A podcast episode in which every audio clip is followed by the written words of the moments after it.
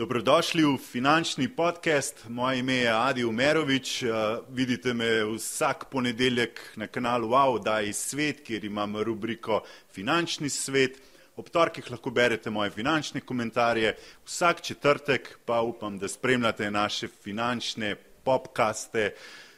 Danes prav poseben popkast, oba dva moja gosta ste že uvodoma spoznali, torej naj jih predstavim še enkrat Nikola Malkovič, finančni analitik s Optim Traderja in Simon Skubin, upravitelj premoženja, prav tako oba dva ste z Optim Traderja. Uh, Danes se bomo pogovarjali o svetovem portfelju, o naših deset tisoč evrov, ki jih želimo naložiti.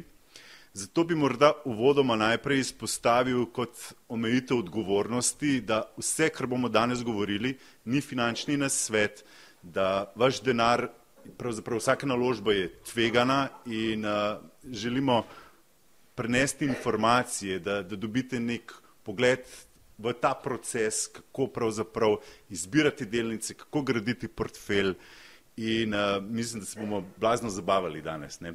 ker bomo nametali par različnih delnic, pogovarjali se bomo tudi o um, načinu, kako sploh zgraditi portfelj. Lepo zdrav, živijo. No? Živali, živali.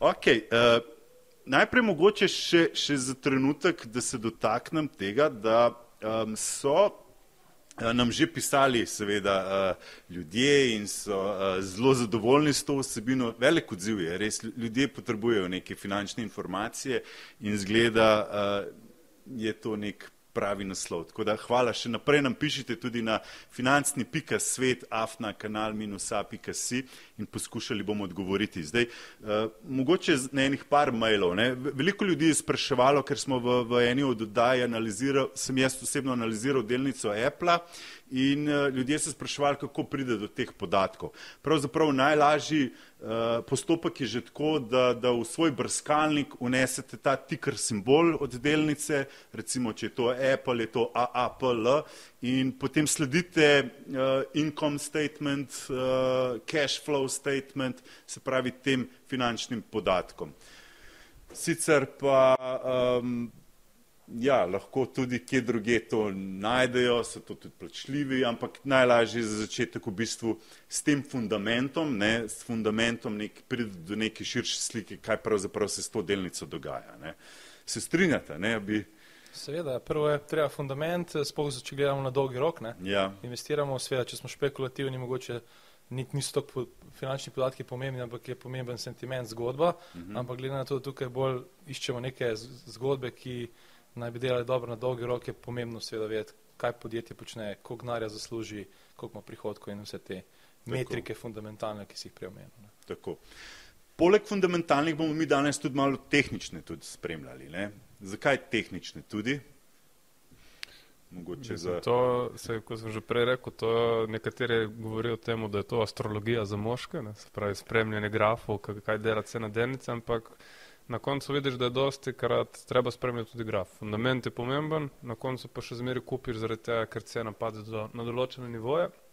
In zdaj to je tudi kdaj samo izpolnjujoča se prerogba, zaradi tega, ker vsi spremljajo določene nivoje, mm. vsi začnejo kupovati pri neki ceni in potem kar naenkrat uresniči. In nekaj, kar zgleda smešno in astrološko, neko napovedovanje, neka pseudoznanost, kar naenkrat deluje. In, uh, Ja. To, to mislim, začneš vedno s fundamentom, na koncu ugotoviš, da moraš gledati tudi, uh, kako je vse skupaj strukturirano na grafu za kup, kupovanje. Jaz temu nisem zaupal, če mm. povem, jaz sem temu nisem namenil dosti pozornosti na začetku, ampak časoma se naučiš na, mm. na, na tak ali na drugačen način. Ponovadi.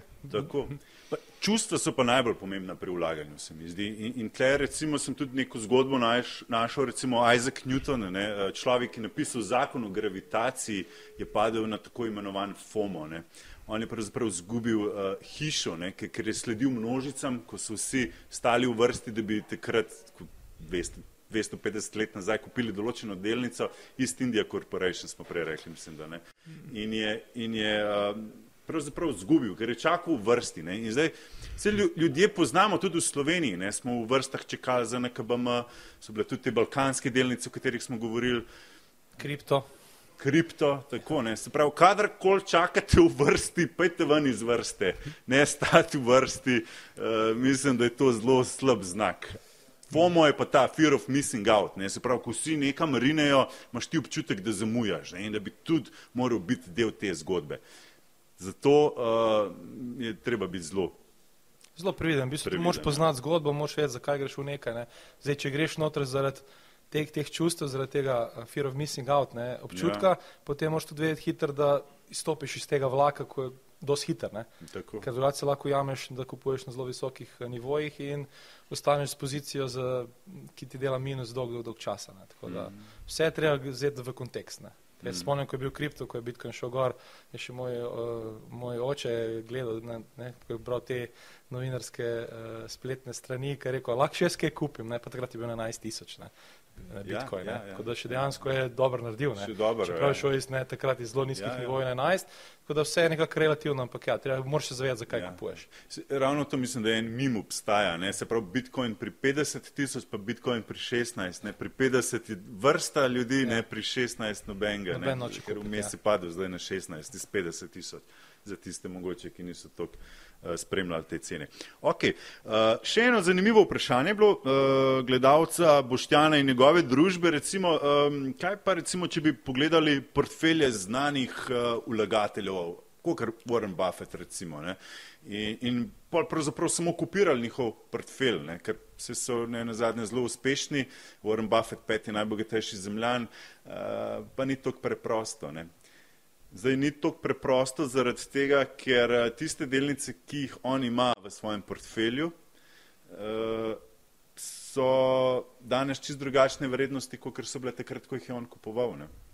Recimo, on ima polovico skoraj v Apple, ne, in pa danes je Apple eh, zelo drag, ne vem, a ga je on kupoval pri 90, ko je bil 90, 100 Apple, ali tega niti ne vem. No, ampak obstaja spletna stran, ki se reče Guru Focus, ne, kjer pravzaprav lahko najdete vse te različne portfelje najbolj znanih vlagateljev in uh, si mogoče ogledate. Ne? Ampak spet je tle treba izpostaviti ravno to, ne? Da, da te različne vrednosti delnic se spreminjajo. Ne? In, uh, Zdaj, pri teh portfeljih je ena stvar zelo pomembna, da uh, v bistvu ti skladi, ki imajo več kot 100 milijonov sredstev v upravljanju, uh mhm. -huh. morajo poročati svoje pozicije, uh mhm. -huh. vsaj na delniških uh, trgih, uh, ampak poročajo z 45-dnevno z 45-dnevnim zamikom. Uh mhm. -huh. Tako da to, kar so oni imeli, so imeli v bistvu mesec pa pol nazaj. Tako da oni so vmes lahko že to Predali. pozicijo prodali in tako naprej. Uh mhm. -huh. Zdaj za Warna Buffeta je to zanimivo zato, ker je on dolgoročni investitor. On če ja. kaj kupi, kupi z namenom, da bo držal to 5, 10, 15, 20 let.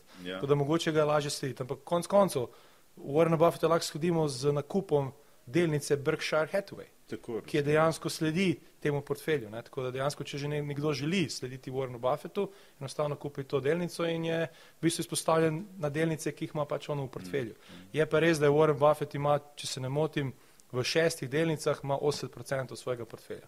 Mm. Tako da 51 je, je Apple, potem pride Bank of America, American Express, Chevron, Occidental Petroleum, Coca-Cola, tako da ima tako zelo diverzificiran mm. portfelj, ampak vseeno v teži so pa predvsem močne v, v Apple. Ne. Ok, zdaj mi bomo začeli graditi naš portfelj. Uh, izbrati moramo neko strategijo, ali bomo imeli noter zdaj 100 delnic, ali jih bomo imeli samo 10, ali jih bomo imeli uh, samo 5.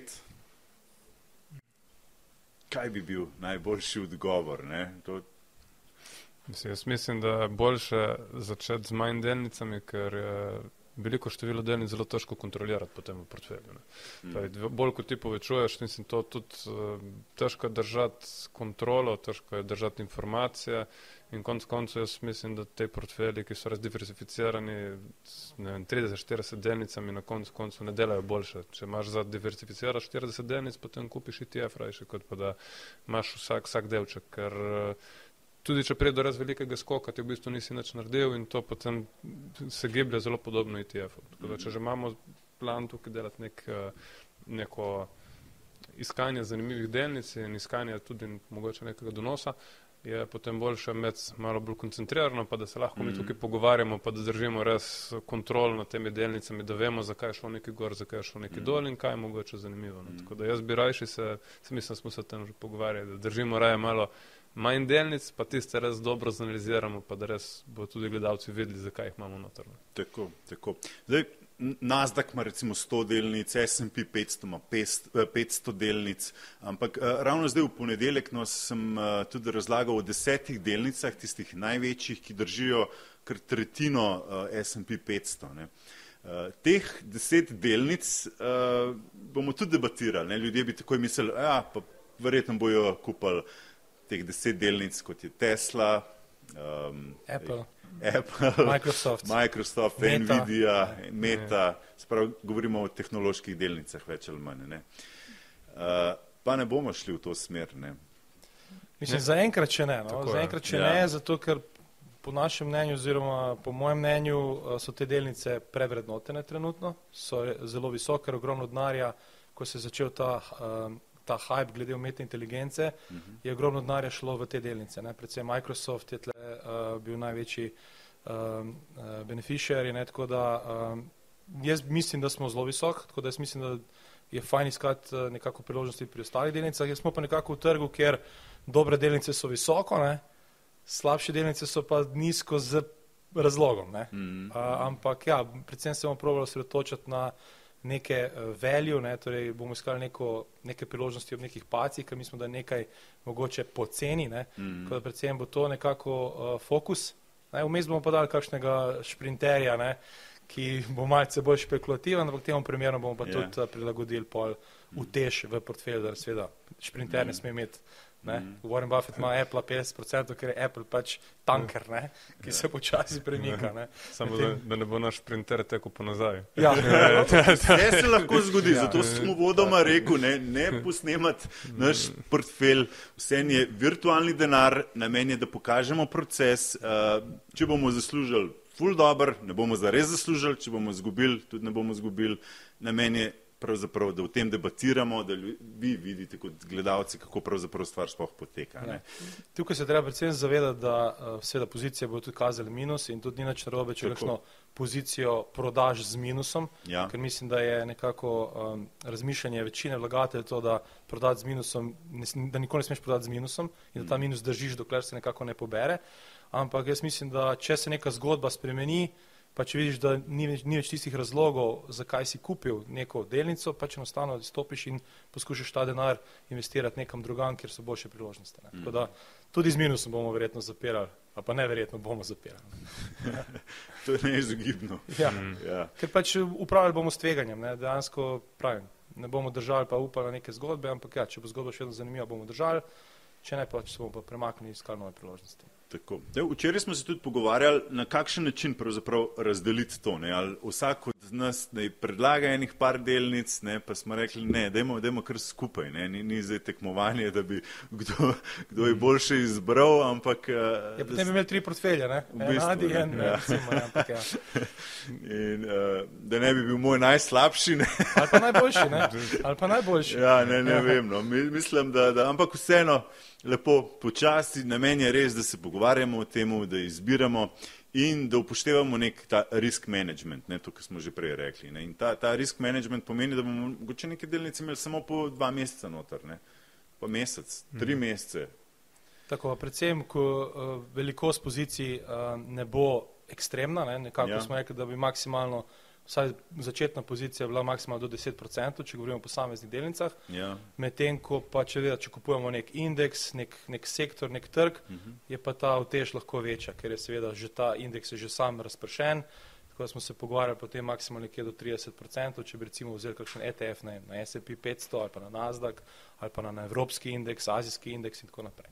Tako da s tem, s tem uh, utežmi bomo nekako tudi uh, upravljali z tem tveganjem, da se ne bomo preveč izpostavljali na določeno uh, delnico oziroma določen indeks in s tem seveda imamo tudi določena tveganja, uh, ki jih pač ne želimo sprejemati. Ne.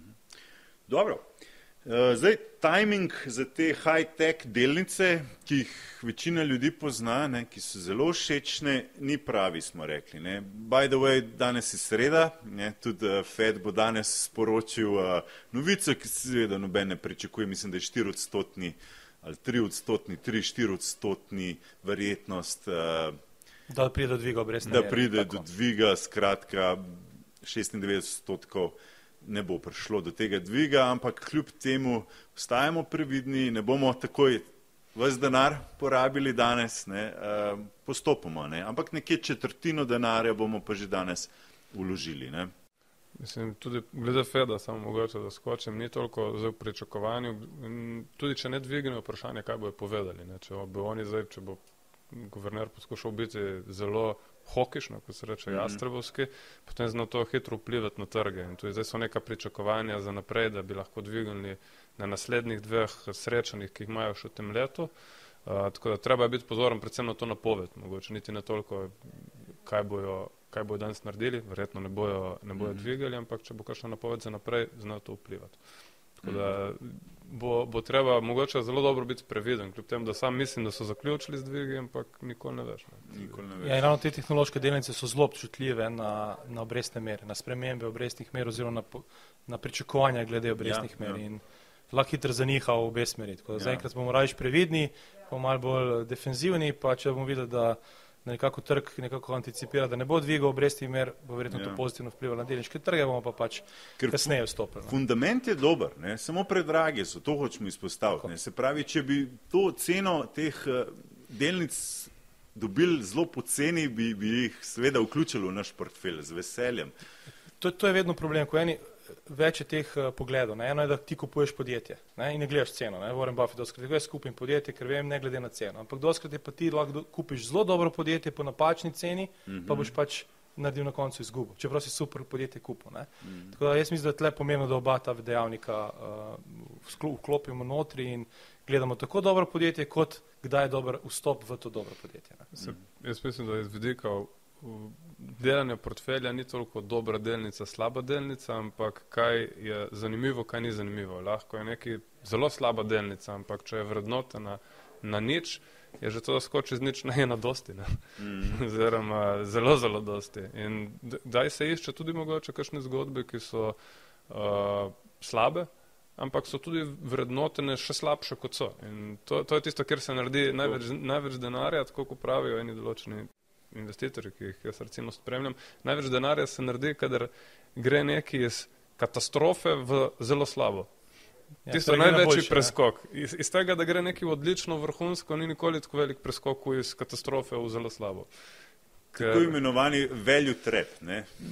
Ja, ja, ne, to ni value trap, to je value trap je nekaj, kar zgleda, kar, poceni, ja, kar zgleda poceni, pa dejansko kar ustraja poceni.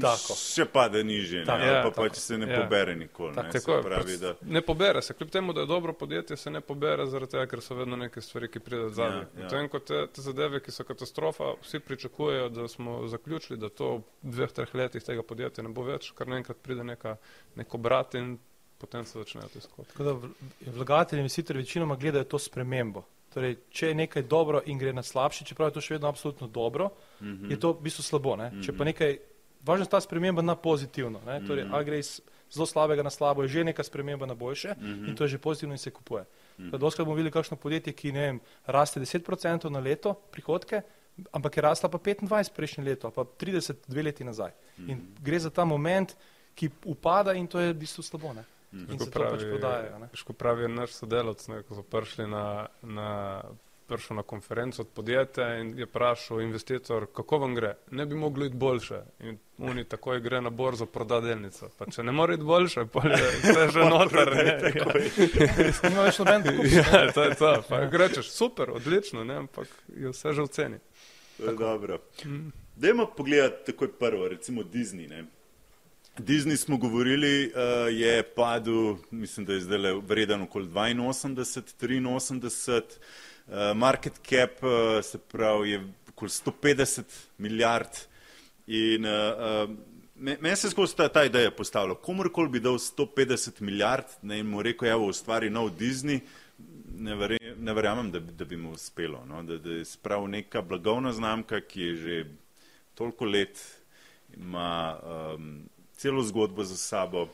Je pa, je pa v težavah. Ja, ja. ja, je v težavah. Eh, v bistvu um, delnice je padla za 61% od uh, najvišjih uh, nivojev. Uh -huh. uh, tako da um, je že na nivojih iz, uh, od dna COVID-a, Tako da pol vemo, da je dejansko se, je je zelo res slabo na dnu, stanje. Ja, ja. je res na dnu in zdaj se sprašujemo, je to value, ne, je to res priložnost ali dejansko lahko to spet nevarno za nekaj, kar je zelo poceni, lahko še ceneje. Ja. Uh, problem pri Disneyju, mislim, prvo kot prvo treba vedeti, pri Disneyju je ogromno slabih novic. Ena za drugo prihaja. Tako da če smo se, Plus stavka scenaristov je trenutno, ki traja. Pa še igralcev. torej scenaristov in igralcev. Tako da dejansko Hollywood je zdaj miruje, stoji. Nobenih novih eh, vsebin, nič. Kar pomeni, to se zdaj ve. Če se oni slučajno kaj zmenijo, je to že lahko pozitivna novica, lahko pozitivno vpliva na, na, na delnico, Na delnico, Disneyja. ja. Problem Disneyja je potem še, da uh, enostavno streaming, torej pretočne vsebine, ne, tle, uh, vsi večina pozna Netflix, ne, Ja, nekako m- mnogo slovencev tudi uporablja Netflix, seveda Disney ima tudi svojo aplikacijo, pri kateri lahko gledaš Tako, pretočne ja. vsebine. In ne gre jim dobro. Ne? Ne grem dober, ja. dejansko se vidi upad eh, števila naročnikov mm. in tako naprej. Uh, tako da potem druga stvar je, da dejansko njihovi filmi, novi, ne prinaša več prihodkov, do, do- dobička, ni več blokbla- blockbusterja. Mm. Recimo jaz sem fan uh, Marvela, ne? Avengersov, ne? predvsem. Ne? In to so bili nori filmi, jaz ko je to prišlo ven, jaz sem, jaz sem se tresel skoraj. Uh, tako da ja, pač sem tak. ne. Uh, ampak uh, ja, to te novi, recimo zdaj uh, Marvelovi filmi so po mojem mnenju katastrofalni, torej vsebina je slaba, ni novih blockbusterjev, nekih novih filmov, kjer bi imeli, ne vem, milijardo zaslužka. Mm. Mislim, da prvič po dolgem času ni bilo ene milijarde prihodkov, pardon, uh, v, v z- filmov Disneyja. Tako je spet ena slaba novica. Ne. Potem, uh, Še vedno pa je lastnik Star Warsa. Ne? In, Ampak in spet teh- Star Wars ja. je, katastrofalen? Sej, oni so lastniki ja. Star Warsov, uh, Marvela, ne? Potem imajo uh, Frozen, ne? mogoče ti ne Ja. ja. veš, jaz imam dva mala otroka, jaz poznam Frozen, ena Frozen, dva filma na pamet, ja. že pesmice vse znam. Ne? In uh, tudi um, nameravamo sedaj uh, iti v, v, recimo v Pariz, v Disneyjev zabaviščni park. Mm. Ne, to je, ena, to je pa ena stvar za Disney, kjer je pa zelo, zelo, zelo pozitivna, mm. zabaviščni parki. Ne, in zelo zanimiv podatek je, da v bistvu zabaviščni parki pa njihovi uh, tele križarke, ki imajo tematske kri, križarke, ne, mm -hmm. kjer pač tako greš na križarko, na potovanje in gore vse v, v Disneyju, ne, različnih mm -hmm. filmov in tako naprej. Uh, oni v, s- za tem segmentom ustvarjajo 37% prihodkov v zadnjih devetih mesecih, medtem ko postavljajo 77% dobička iz poslovanja iz tega segmenta. Wow. In ravno včeraj je prišla novica, ne, da bojo v naslednjih desetih letih podvojili investicije v zabaviščne parke. 60 milijard. 60 milijard v naslednjih desetih letih. Seveda, delnica včeraj je padla za 3%, ker kratkoročno to pomeni, da treba denar investirati, ne, manj denarja bo, ampak se bo pa verjetno ti učinki te investicije pokazali v naslednjih parih letih že. Ne. Tako da kratkoročno to negativno, ampak dolgoročno pa bojo verjetno učinki zelo pozitivni. Ne. Tako da veliko, ogromno je teh slabih novic, slabih dejavnikov, ki seveda zbijajo ceno delnice, nihče je noče, ampak po drugi strani Simon uh, je Ja, ni, ni res, da je nihče noče. Mislim, Ja. ja. Ja, javnost sprejetje je, spre, dojema se, kot da je nihče noče. Ampak če gledamo, recimo, prej smo omenili te največje sklade, ne, kaj kdo dela. V zadnjih dveh kvartalih, pa tudi zadnji, zadnji kvartal, kaj je bilo zanimivo, najbolj kupljene delnice od teh her skladov so, itek seveda, Google, Microsoft in podobne zadeve, ampak izmed vseh teh delnic, edina delnica, recimo med desetimi najbolj kupljenimi, ki pa je dejansko kao pod narekovaji slaba, je dejansko Disney. Tako da nekdo akumulira, ne? nekdo akumulira te slabe novice in se čaka, da pride nek preobrat. Ne? In Se pravi, tudi če si ti malo večji sklad, ne moreš kupovati uh, nekega takega podjetja. Uh, Naenkrat, ne. Naenkrat, se pravi, ti iščeš neke slabe novice, tako da nek, nek interes je, Disney je še zmeraj inštitucija in tudi zdaj, ko smo govorili o tehnični sliki, ne, kako izgleda na grafu, to je zdaj na nekih nivojih, ko zgleda zanimivo in bo marsikdo že samo zaradi tega verjetno začel uh, poskušal, no, da jim rečem. Vprašanje, če bo to zdržalo, ampak poskušal bo zgraditi neko pozicijo in videti, če se bo prišlo do obrata. Mhm. Da jaz mislim, da bi bilo smiselno, da to poskušamo tudi mi, zaradi tega, ker vedno lahko potem zapustiš in tudi vsaj sam, recimo, ne verjamem, da bo zdaj Disney kar res uh, zgrmel za 30-40 odstotkov dol. ne. Ja, še ja. posebej Je po že, takih- že zdaj nizko, ne, na Tako. 80, ampak ja, če bi pa padel recimo nekje na 70, bi pol prodala recimo. Ne. Ali Ali pa, ali, 70. ali pa recimo vstopimo za polovično pozicijo, recimo Tako. 5% portfelja, nekako Ja. ja. če imamo namen dati 10% portfelja v Disney, kupimo zdaj za 5% in potem potencijalno, če pade na 70, pa zgodba še vedno, še, seveda, Tako. zgodba je še vedno zanimiva, mm. seveda imamo nižjo ceno, je seveda boljša cena, dokler je zgodba ok, dokler mm. verjamemo, da bo uspela ta preobrazba, dejansko lahko še dodamo 5% na 70, s tem znižamo mal, malce ceno in potem spremljamo in vidimo, kako se bo vse skupaj dogajalo. Ok, gremo naprej. Naslednja. PFE, Pfizer. Pfizer, mislim, da vsi poznamo, uh, mnogi so bili tudi cepljeni v času COVID-a z mRNA cepivom od Pfizerja. Um, ja, Pfizer eh, je prav tako zelo, zelo nizko. Ne. Tehnično gledano je um, zelo, zelo slabo se drži, ampak Pfizer je pravzaprav uh, farmacevtska družba, ki ne bo zapustila trga še zdaleč ne. Um, ja, mogoče Mislim, jaz, ne- jaz ne vem, jaz uh, imam malo problem, mislim problem. Zdaj je že ful, zelo velika korekcija, ampak vprašanje, kako bo šlo naprej s temi COVID cepivi. Uh, Mislim, da je to pa seže čisto. Je. In zato je tudi Pfizer padel, ne, ker Ja. je zdaj vsem jasno, da teh cepiv več noben ne potrebuje, ne, da je to preprosto samo še prehlad. In, uh, tle, ja, samo zna biti pa legacy z vidika tega, kakšnih potencijalnih tožb. Mislim, da so jih sicer izuzeli tega, da se pač ne more, ampak uh, meni me malo Pfizer spominja neko zgodbo od Bayerja ne, in tista situacija z Monsantom in Mhm. podobnim. Ne vem, sej, ni rečeno, da se bo to tako zgodilo, ampak uh, imam malo problem recimo pri, pri Pfizerju. Uh, zaradi tega, ker se mi zdi, da bi znal mogoče v kakšnem momentu presti ta value trap, ne, recimo, mm. ko Mhm. zgleda neki zelo poceni, misliš, ok, to bo šlo sigurno gor, potem se pa kar nekako, kar vedno pride neki, neko kostnjak iz omare skočeno, tako da jaz Mhm. do Pfizera sem malo zadržan in nasplošno zdaj recimo do, do, Ja. do podjetij, ki so bila vezana na ta COVID cepiva, kljub Mhm. temu, da so dobili nek exemption oziroma izuzetje iz potencijalnih tožb. Uh, si pa ali ti povedal, da imajo v pipelineu Tako, mo Ja. mogoče še to gledalcem Ja. razložimo. Ne? Zdaj pri farmacevskih družbah, ne, po, poleg fundamenta, ne, se pravi prihodkov, dobičkov, denarnega toka in tako gledamo tudi pipeline, ne, se pravi, katera zdravila prihajajo na trg. Ne. Uh, in v, v nekje uh, drugem, uh, na drugem koraku ne, so, so trenutno tudi razvoj zdravil za obesity. Ne. Obesity, uh, se pravi, mi poznamo tle v Evropi ta Ozempik, velike zgodbe uh, se okoli tega pletejo in oni tudi razvijajo, sicer so zdaj šele v uh, drugi fazi. fazi in je to še mogoče še daleč. Uh, imajo pa tudi nekaj zanimivih onkoloških zdravil, uh, tudi za migreno, mislim, zanimivo zdravilo, da imajo v tretji fazi. Uh, sicer pa, ja, ne, ne vem.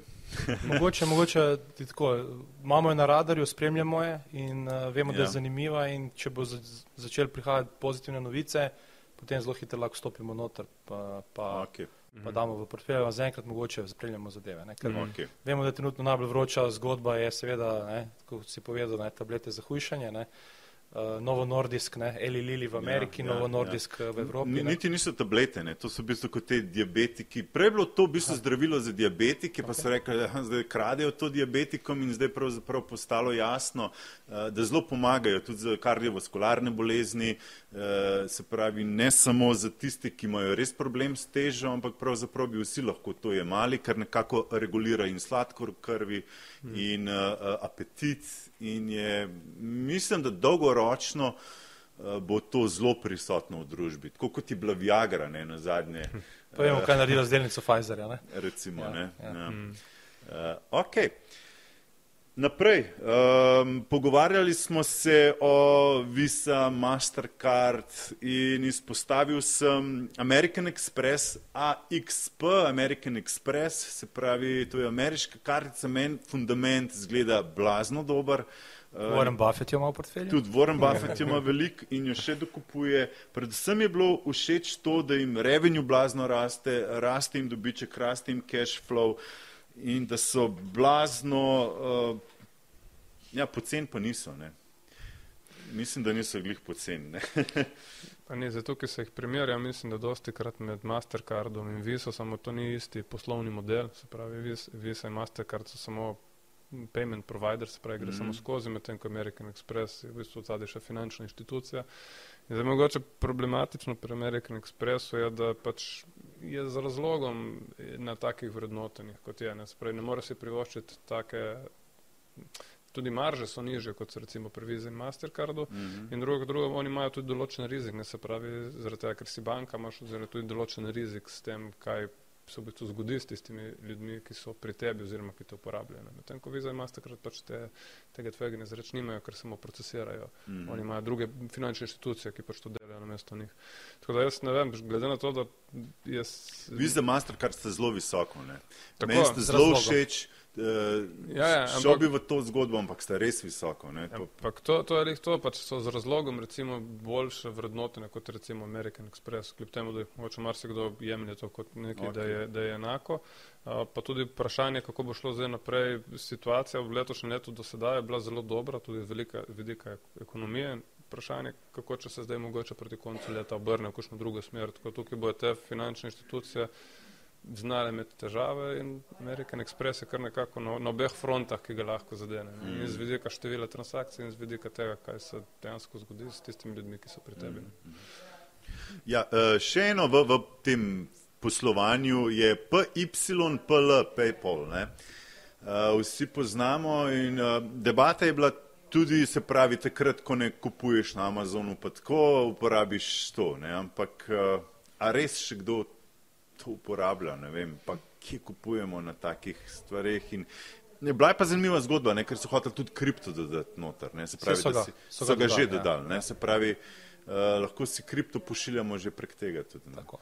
V bistvu težava PayPala, v bistvu delnice pada za 80% od najvišjih nivojev. Tako da Ja. je nizko. Zelo je nizko in Je zelo zelo atraktivno. nizko. Ja. Uh, spet, kar je problem, je tisto, kar smo se pogovarjali. Ne? Podjetja ustvarjajo rast prihodkov uh -huh. in dobička, ampak ta rast upada.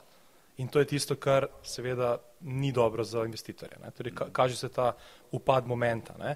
In to je prva stvar, ki je, uh, ki je uh, slaba. Druga stvar je velike konkurence. Ne, ogromne konkurence, dosti ljudi je kar enostavno, že tudi tuk- ta varnost uh, uporabe Vise, Mastercarda, ne vem, tudi Apple Paya, ne, Apple Pay je prišel ven, jaz osebno uporabljam v zadnjem času samo še Apple Pay, ne, ker je res enostaven mm. in tudi varen. Ne, uh, tako da to je ena stvar, ki je problem, je pa res, da podjetje ustvarja ogromno uh, denarja, tako da ni slaba firma, I- ustvarjajo uh, denar in problem je pa, ker ni, ni nekega vidika glede rasti. Mhm. In v tem primeru je to sedaj slabo. Je zanimivo, zagotovo, da jo spremljamo. Tudi dali so tudi stablecoin za kripto, nek, nek svoj stablecoin, ne ta stabilen kovanec. Mm -hmm. Tako da, če bi se mogoče okolje v kriptu izboljšalo, bi verjetno tudi PayPal uh, imel nekaj pozitivnih učinkov z te strani. Tako da je zanimiva delnica na zanimivih nivojih, ampak treba je seveda počakati, da vidimo, ali se bo ta rast obrnila, bo uspel nekako ta denar, ki ga imajo, ogromno denarja imajo na bilanci, uspel nekako uh, pravilno uh, investirati, uh, da se po- ponovno ta rast prihodkov mm. uh, zviša. ne.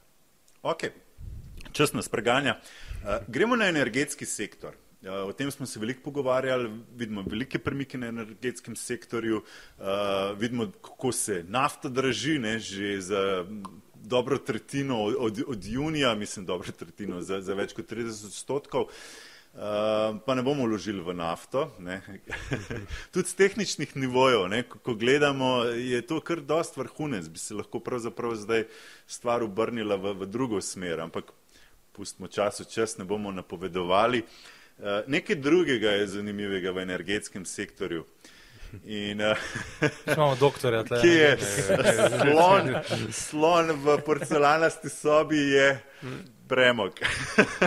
Ja, premok, uran recimo dela to je ful dobro, ne? ampak tudi uran. Uran dela zelo dobro. Uran dela zelo dobro, tudi zdaj se sentiment spreminja, ampak je zdaj v taki špici, da ga težko damo recimo v, v nek portfelj. Ja, ja. Ja, pa na drugi strani tudi premog dela recimo eh, zelo dobro, predvsem metalurški premog. Tukaj treba Ja. mogoče samo za, kot, za, za razlago, tukaj sta dve različna premoga. En je termalni premog, drugi je metalurški premog. Eden se uporablja za proizvodno jekla, se pravi zelo vezan na ekonomsko aktivnost, medtem ko termalni premog je vezan na proizvodno elektrike in je dosti krat tudi uh, povezan s tem, kakšna, kakšna je recimo zima. Ne? Recimo, ko porabiš nekaj več, več elektrike, več toplote in podobno, takrat ponovadi gre proizvodnja mm. oziroma poraba in plina in premoga, ki sta mm. nekako med sabo uh, komplementarna, kar pomeni, če porabiš več enega, porabiš manj drugega. Tak, tak, mm. Taka je recimo teorija. In zdaj prihajamo v neke te mesece, ko bi ta The termalni winter is coming. Tako, to je bila neka stvar lani, ko se je zelo strašilo, tudi te cene plina so bile res ekstremno visoko.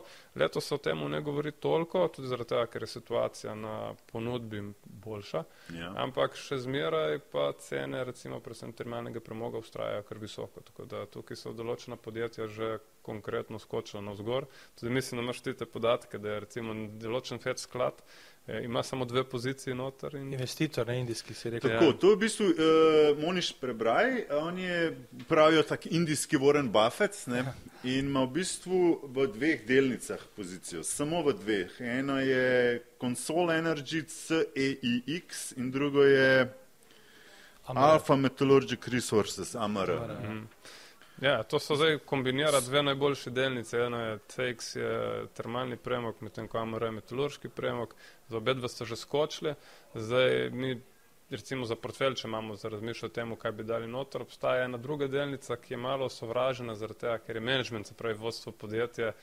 Uh, nekako ga definirajo za najslabše vodstvo podjetje, uh, vodeno podjetje v, v celotnem sektorju, imajo zelo dobre esete, se pravi te rudnike, ki jih imajo, so, so dobri, tudi rezultati so dobri, ampak vedno je ta strah pred tem, da bodo kupili nekaj novega. In to je vedno, to je recimo v nekem sektorju, kjer se gleda, da ga čez pet let ne bo več, čeprav Dajmo si, dajmo povedati, to se ne bo zgodilo, da bomo kar odstranili premog v naslednjih petih letih.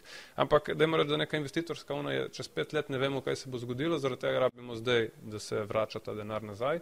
In ko neko podjetje začne odkupovati, je to za nekega vlagatelja traja več časa, da pride recimo do dividende. Ne. Tako da zdaj je ta nek strah, da bo prišlo do tega novega nakupa, ampak ne glede na to, ta Peabody Energy, BTU, ima kombinacijo in metalurškega premoga in termalnega premoga. Jaz mislim, da rezultati v tem kvartalu bojo zelo dobri. Mislim, In Da, da ne bo zdaj pomote, da dajmo si vzeti minu, minutko. ne. Uh, jaz, jaz res sem fan obnovljivih, obnovljivih virov energije. Ne. Ampak eh, spet, ne, pri investiranju moramo čustva, ne, kaj je meni osebno všeč, te malo ločiti. Ne. In zdaj, zakaj se sploh pogovarjamo o premogu? Ne? Ker je malo moralno sporno, ne, da, da bomo zdaj recimo šli investirati v premog, ne, ker, ker si ga res dolgoročno ne želimo. Ampak grozno dejstvo je, ne, če pogledamo kolač, koliko predstavlja premog za proizvodnjo elektrike, je pa grozen. Ne. Mislim, da je tretjino še vedno nas poganja premog. Ne. Mislim, jaz mislim, da iz vidika investicije ne, v energetski sektor imaš dve možnosti, če hočeš nekaj držati. Je ali investiraš v uran ali investiraš v premog. Uran je zdaj v špici, premog je zdaj lih, Totalno down. ne. lih tako, lih tako ne, skače, ampak določena podjetja ponujajo zanimive, zanimive vstopne nivoje. Zdaj veliko ljudi eh, primerja recimo investicije v premog z investicijo v tobak. Ne. Tobačna Ja. podjetja, če gledamo Recimo, leta ja. 2000, je bila podobna zgodba, ko so vsi govorili, to, to, tega ne bo več, zakaj bi sploh to, to je moralno sporno. Ampak razlika med tobakom je to, da tobak dejansko nima nobene funkcije v družbi, razen to, da dejansko samo škodi, medtem ko mislim, da celo ne 30-35% elektrike se proizvede skozi premog. Zdaj pa, če v bistvu jaz ne vem, če si lahko privoščimo, da, da Ja. ja. damo to ven. To ni nobenemu to, interesu. Če, če da- te podatke damo ven, ne, sprav od obnovljivih virov energije dobimo nekje 14. Premalo. Ja. 14. Ne. Premalo. Od jedrske dobimo 9. Premog je pa 34. Ne. Zdaj, Ja, to, Se to, to se bo verjetno spreminjalo v prid Absolutno zeleni se energiji. bo, ampak- ne, ampak mi govorimo zdaj. Ne. Mi Ja, moramo ne moremo- naš portfelj Ja. graditi in, in Jaz mislim, da je to dobro za, za izkoristiti. Za, za moje pojme ni to tako moralno sporno, kot se mogoče predstavlja. Uh, zmetalo se milijarde in milijarde noter v obnovljive vire energije, smo še zmeraj na 14%. Mhm. Mm. Jaz ne vem, koliko milijard je treba zmetati, oziroma neskončno, da pridemo recimo na 100. Tako da edina možnost, ki, ki jo recimo sedaj izgleda, je ali uh, jedrska energija ali pa nadaljevanje tega, kar recimo že imamo. Mhm. Tako da jaz bi raje investiral v, v uran, če bi bili tri, Ja, let, ja. če bi bili tri mesece nazaj, bi verjetno štartali z uranom. Mhm. Zdaj v tem trenutku pa je mogoče treba, če hočemo žiti na neko energetsko zgodbo, mogoče to bolj, bolj smiselno, no? oziroma zna biti zanimivo. Uh, uran, uh, dajmo samo izpostaviti tikere, če bo kdo iskal. Mhm. Mogoče UN, UN. upika UN je vse tisto, kar bi jaz, recimo, jaz investiral, ki smo tudi recimo to v portfelju že odprej. Uh, gre za fizični sklad urana, o tem smo se mislim, da že pogovarjali, ne, kako to investiraš, ali imaš to dejansko v predalu, pol kot No, fizično no, no. zlato. To, to bo še objavljeno v, v inšpektorju, mislim, da naslednjo soboto v oddaji Ja, ja, ja. 24 ur. Uh, Dajmo o naši investiciji. Mi smo se konkretno pogovarjali o tiker BTU. Simon, kar mogoče, če poveš. Te Ja. delnici, to je bil tvoj. To je, to, to, je, to je moj pik, se pravi, osovražena delnica, tako s tistim, ki ne marajo premog, do tistih, ki, ki investirajo v njega. Eni Ja. ga ne marajo zaradi tega, eni ga ne marajo zaradi tega, ker je pač to premog, drugi ne marajo zaradi tega, ker pač vodstvo dosti krat zakomplicira nekaj, kar ne bi bilo za zakomplicirati. Mm. Ampak jaz mislim, da rezultati bodo dobri, dvomim, da bo prišlo do nakupa kakšne, kakšnega novega rudnika v naslednjem mesecu ali dveh. In to bi znalo biti, recimo, tudi če imamo samo za kot pozicijski trade, ne, se pravi samo za izkoristiti, mm -hmm. bi po mojem to znalo biti zanimivo. No. Ker je delnica zelo poceni, če primerjamo s tistim, kar ima ta indijski Warren Buffett v portfelju CX-om. To je dosti više, zaradi tega, ker se oni se odločili, da namesto dividende bojo odkupovali lastne delnice. Mm -hmm. In to delajo zdaj že, že en par kvartalov, medtem ko se je Peabody odločil, da bo šele prejšnji kvartal začel odkupovati, odkupil 8% svojih delnic in če pridemo na neke podobne nivoje, kar naenkrat bo to začelo imeti mm -hmm. zelo, zelo močen vpliv tudi na ceno delnice. No. Eh, Kupovanje lastnih delnic pomeni, da se število delnic v obtoku zmanjšuje, to pomeni, da se uh, zmanjšuje ponudba. Če bo vprašanje isto, je to pa Tudi, dviguje raz, ceno delnic. tudi razlog, zakaj so tehnološka podjetja tako, veliko, z, eh, tako visoko, zaradi tega, ker so se v določenem trenutku odločili, da nimajo boljših, uh, boljših načinov investic, investicij svojega presežka Ja. in so začeli odkupovati lastne delnice.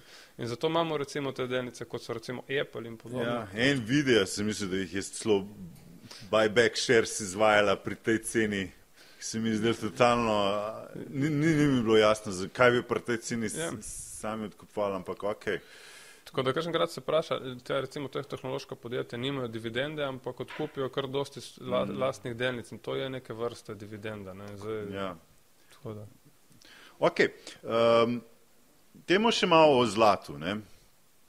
Zlato, uh, vaš čas je tle na neki meji, malo je še sicer padlo, zdaj spet pa je na 1900, ne vem, 20, 30, 30. 30.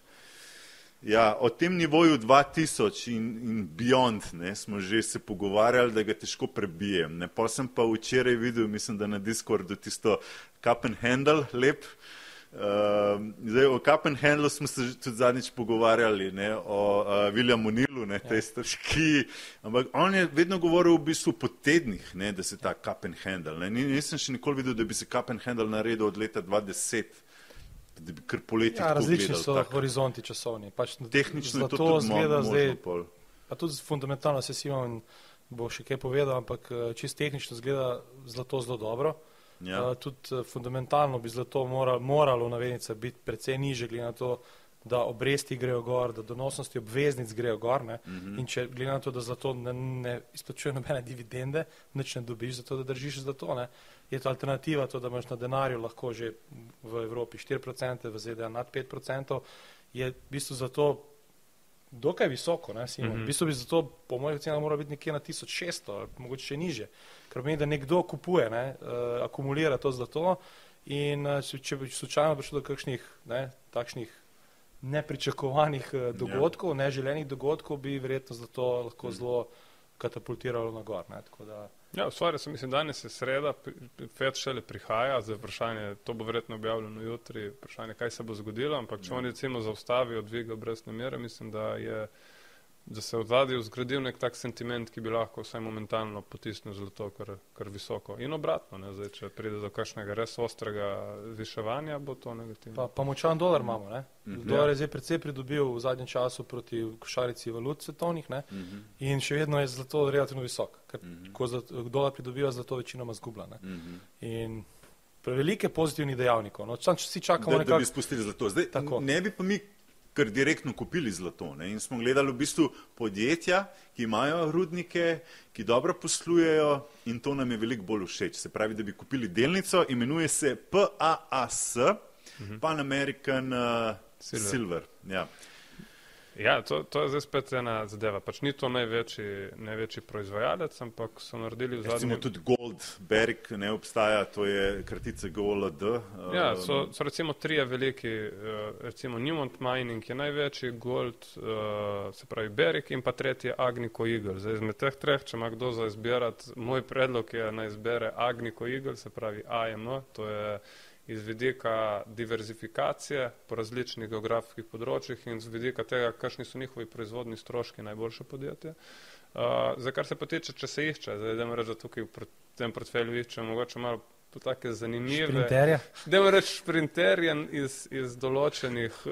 Uvodoma si rekel, da ne bo ta šprinter nazaj. Ja, tekel, da ne boš, da ne boš sprintal pa nazaj, kar se zna zgoditi, ampak uh, v primerjavi z drugimi, v imenu ima Silver, ampak treba je povedati, da prav Ja. specifično podjetje, ki bi majnilo samo Silver, ni. Se pravi, vedno imaš ta najvišji procent uh, srebra notor v posameznem podjetju, mislim, da je 60 odstotkov. Se pravi, večinoma so to proizvajalci zlata, ki imajo zraven že srebro in eni v malo večji, večjih proporcijah kot drugi. Ampak kar se tiče dotičnega podjetja, mislim, da ima najboljšo, ima zelo dobro kombinacijo med zlatom in srebrom.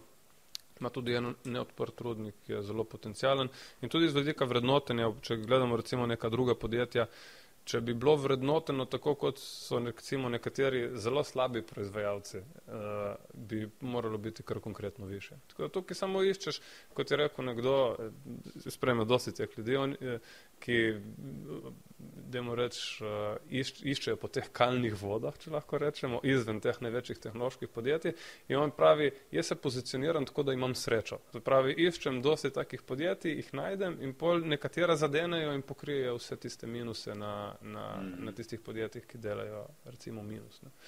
To mislim, da je eno, eno izmed takih, če bi prišlo do preboja zlata in srebra, mislim, da bi to podjetje moglo delati dobro. Ne. In konc koncu, če ga že postavimo v portfelj, vedno je ta možnost dokupa. Ne. Da ne greš kar na polno noter, lahko postavimo recimo neko 5% pozicijo in jo potem dokupimo v primeru paca. Tako da pri teh zadevah, vedno, ko kupiš polovično pozicijo, ti si želiš, da pade. E, To je, to je ta kontralogika, ti želiš, da pade zaradi tega, da lahko kupiš do konca in prideš noter v pozicijo. Tako da je nekaj, kar bomo spremljali. Okay. Uh, gremo na luksuz. Ne? Zakaj luksuz? V, v krizi luksuz dobro deluje. Ne? Videli smo Ro- Rolls-Royce delnica, recimo, ne? bazno lep skok. Uh, LVMH, Louis Vuitton, ne? o tej delnici bi se. Tiker je MC v bistvu. Ne? Ni tiker- LVMH. Ne, LVMH je simbol v na ameriškem trgu, ampak trguje pa v Franciji, simbol je MC. Aha, mi bi kupovali V Franciji. preko, v Franciji. Franciji, tako je, MC. Okay. Zakaj pa v Franciji, zakaj ne Tam, prek ja, tam je v, v ZDA je v bistvu trguje na tem OTC trgu, kot da neregularnem trgu, tako da to je glavni trg je Franciji. Mhm. Tako da Večino bomo pravili kupovati v, na, na trgih, kjer je primarni trg. Okay. In okay. tle je Francija, tako da ja, gre za Louis Vuitton, uh, moje Hennessy, ne, uh, podjetje, ki ima v svojem portfelju tisoče uh, brendov, ne, uh, seveda Louis Vuitton, pol imamo Bulgari, pol imamo Dom Perignon. Dom Perignon, ja. Moje in uh, mej, Mark Jacobs in ostale, mislim, da tudi za, za žgane pijače, tako da ogromno, res ogromen, Ja. ogromen portfelj. Podjetje je tudi bilo eno izmed nekaj časa najdražje, mislim, najbolj vredno podjetje v Evropi, nad 500 milijardami, zdaj sedaj je to, ta primat je prevzel Novo Nordisk s, to, s, s tem skokom uh, cene. Ampak ja, delnica je sedaj na zelo zanimivih nivojih. Korigirala je za 17, torej korigirala, padla je za 17% od najvišjih nivojev. Uh, tako da je na zelo zanimivih nivojih iz vrh, vrhov iz 2022 začetka. Tudi fundamentalno smo prišli na nek, na, po nekaterih kazalnikih na zelo zanimive nivoje, te potencijalno podcenjenosti. Predvsem je padla delnica zaradi Kitajske, mislim, da imajo v Aziji, zdaj, sam ne v Kitajskem, ampak v Aziji imajo približno 40% prihodkov ustvarjajo tam. In ampak ker je Kitajska sedaj bila zelo pod pritiskom, vemo, da ekonomija slabi, Uh, ampak seveda ogromno, ogromno se dela v, na, v, v to smer, da se stimulira ekonomija ponovno na kitajskem, da se izboljša. Jaz mislim, da je sedaj ta padec izjemna lepa priložnost za polovičen vstop spet, ne, ampak ja, mm -hmm. da začnemo graditi pozicijo na tej delnici, ker luksus uh, bo vedno prisoten, luksus je zelo, um, zelo uh, odporen na, na korekcije, mm -hmm. uh, v, na recesijo in tako naprej. Luksus se vedno išče, ne, tako da mislim, da imamo zdaj eno lepo priložnost za nakup ob tej 17-procentni korekciji, ki se je zgodila. Okay. Ker si že omenil Kitajsko, ne? mimo kitajskih delnic tudi ne moremo, ne? Ker, ker si pravzaprav želimo tudi tlele biti zraven, kitajski zelo na nizkih nivojih trenutno. In uh, to je lahko zelo dobra priložnost. Zdaj tle je politično veliko vprašanj. Jaz tudi sam sem recimo imel babo, ne, to je B-A-B-A ali baba, tikr simbol in uh, ja. Charlie Munger, recimo uh, kolega od Warren Buffetta, tudi znan in vlagatelj, je, je tudi pravzaprav kupoval in um, jaz pravzaprav sem v izgubi. Ali baba je, ne pobere se, no? je, je zelo padla nekje na 80 iz 350, mislim, da. Ves čas je to politično vprašanje, bo Kitajska napadla Tajvan, baba je recimo tudi v SMP-ju in lahko se v bistvu delista ven, ne, kar pomeni, da bi jo lahko samo na potem hongkonški borzi uh, kupili, ampak to bi pomenilo v bistvu kar velik padec, predvidevam, za delnico. Ne. Eh, ja, v bistvu Alibaba je res taka delnica, ker eh, testira tvoje čustva. No. Vsakeč, ko malo gre nad 100, misliš, evo, to je to, gremo končno više, pa spet prijekašna novica. Ja. Ja, problem je videti, pač Kitajska je bila zaprta dolgo ja. časa, ja. potem, ko se je odprla, ni bilo tega, te oživitve gospodarstva, kot smo se ja. pričakovali. Ja. Tako da kitajsko gospodarstvo je res ima velike težave. Potem se je veliko reguliralo, torej se je reguliralo ta, ta velika podjetja na kitajskem, mm, Tencent, mm. Alibaba in tako naprej. Ampak Alibaba dela veliko v smeri tega, da nekako uh, poveča vrednost podjetja. Tudi razdelila se bo na šest delov, mm -hmm. da vsak del bo mhm. nekako zase svoja entiteta, mm -hmm. tako da potencijalno te, te um, posamezne dele enote tudi odproda, pri, dobi več, kot bi mm -hmm. potencijalno bilo vredno znotraj Alibaba. Tako da ogromno je tega pozitivnega, sveda ne gre dol, ravno zdaj, ker je ogromno slabih novic, ampak jaz mislim, da smo nekako blizu tega, da dejansko Kitajska že, pa investitorji nekako že absorbirajo vse te slabe novice in je samo vprašanje časa, kdaj bo nekako tudi Kitajska začela delati dobro. Vsakič, ko je neka dobra novica iz Kitajske, vidimo, da delnica skoči, potem se jo spet zabijajo, ker spet prije kakšna slaba novica, ampak ogromno slabih novic je. Yeah, yeah. Tako da mislim, da smo na zanimivih nivojih. Mislim, da smo okrog 87 eh, sedaj na Alibabi, tudi videli smo zdaj, ko smo imeli kakšne prodajne pritiske, Alibaba ni tako padla, se je nekako uspela zadržati. Tako da za prvi vstop, za polovičko se mi zdi idealen primer. A se je, če bo pa šlo kakšne kol novice z vidika tenzij med ZDA in Kitajsko ali ne, potencijalno napada Kitajske na Tajvan, potem bomo hitro eh, morali stopiti in pač omejiti tveganje, ampak vsaj zaenkrat nekaj Pri kratkih. teh nivojih skoraj, ja. da, da je. Ja. Ja, čeprav vmes mislim, da je baba celo padla na. Pod 60. Na, 57 ja, ali nekaj takega. Takrat, ko, ko so vsi rekli, da je Kitajska. Ko je bilo že res vprašanje delistinga, ja. ne, da, da bi jo. Nobeni takrat bil, ja. nobeni želel kitajskih delnic, pa to bilo ja. idealen primer, idalen čas za kupiti. Sentiment, sentiment je bil podoben, eh, kot je letos. Ja. Se pravi, zdaj, ja. kljub sentiment eh, se pravi, teh upravljavcev skladov je na nižjih nivojih, kot je bilo lani, ko je bila recimo baba niže, ne, kar pomeni, da to je tudi kitajske delnice, kljub temu, da je sentiment slabši so više, kot so bile lani. Ne. In situacija pa, vsaj po mojem mnenju, ni tako slaba. Je slaba, ampak ni tako slaba, kot se, kot se omenja. Tako da mislim, da ne rabimo zdaj tukaj pretiravati z ja. neko, z neko izpostavo, ne, ampak nek določen delček oziroma polovična pozicija zna biti pa, zna biti pa zanimiva, ker je kar nekaj dobrih stvari, ki se je zgodilo recimo na Alibabi. In to, da so razdelili, pa to, da je recimo N Financial, ki je bil enkrat najbolj, najbolj vredna finančna družba na svetu, je zakončno dobil tisto kazen, tako da to je še ena stvar, ki se je, ki se je omaknila. Uh, se pravi, ta potencial, koliko bo velika kazen, zdaj se točno ve. Tako da, mislim, da tudi ameriški head sklad, recimo David Tepper, ki ga je spremljal včasih, tudi ja. David Tepper znal premikati trge z svojimi izjavami, je vključil Alibaba v svoj portfelj. To je lahko tudi pri guru Fokusa, ti se spletne strani ja, vidimo. Ki smo vodoma izpostavili tako, to spletno. In se zbere David Tepper, se vidi, mislim, da približno 6-7% Alibaba, tako da tudi ti veliki ameriški investitorji so začeli iskati priložnost. Ja, ja. Pa ne sam temu slediti, se pravi. Je, je, meni se je tudi zdelo to fajn, ko je Charlie Munger takrat kupil, ne, takrat, ko je padala uh, baba. Uh, Samo ima pet, desetletni horizont in več. Ne, ja, no, to, to je pa zelo zanimivo. Če bo še živel do takrat. Tle, tle bi izpostavil eno stvar, ki sem poslišal, ko je rekel, če nimaš želodca, da preneseš 40-50 odstotni padec, potem se ne jed tega športa. Tako, to, je ja. to je zelo pomembno tudi. Ne? Se pravi, ne paniko ustvarjati, ko nekaj za pol pade, ker potem sledi neka korekcija. Ravno zato so ne? take uteži v portfelju, kjer dejansko ne rabiš paničariti. Ja. Ker tudi, če prije do paca, ni takšen vpliv. Recimo, če pade delnica za 10%, pa imaš 10% uteži to vpliva en procent na tvoj portfelj. Mhm. Zato pravim, vzamemo si čas, preberemo novice, vidimo, če je čas za iti ven ali ne, ampak ne rabimo pa nikoli paničariti. Razen če imaš pa 100% v eni delnici in prije slaba novica, pol nimaš izbire. Se, zato pa lahko mi tukaj mogoče križarimo po različnih delnicah, ker če je maksimalna izpostava 10%, se mora, mora iti nekaj res, res narobe, da vse skupaj zgrmi. No. Ja. Uh, tako še posebej, če pol kombiniraš različne sektorje, se je potem to dosti, uh, dosti lažje prebaviti. No.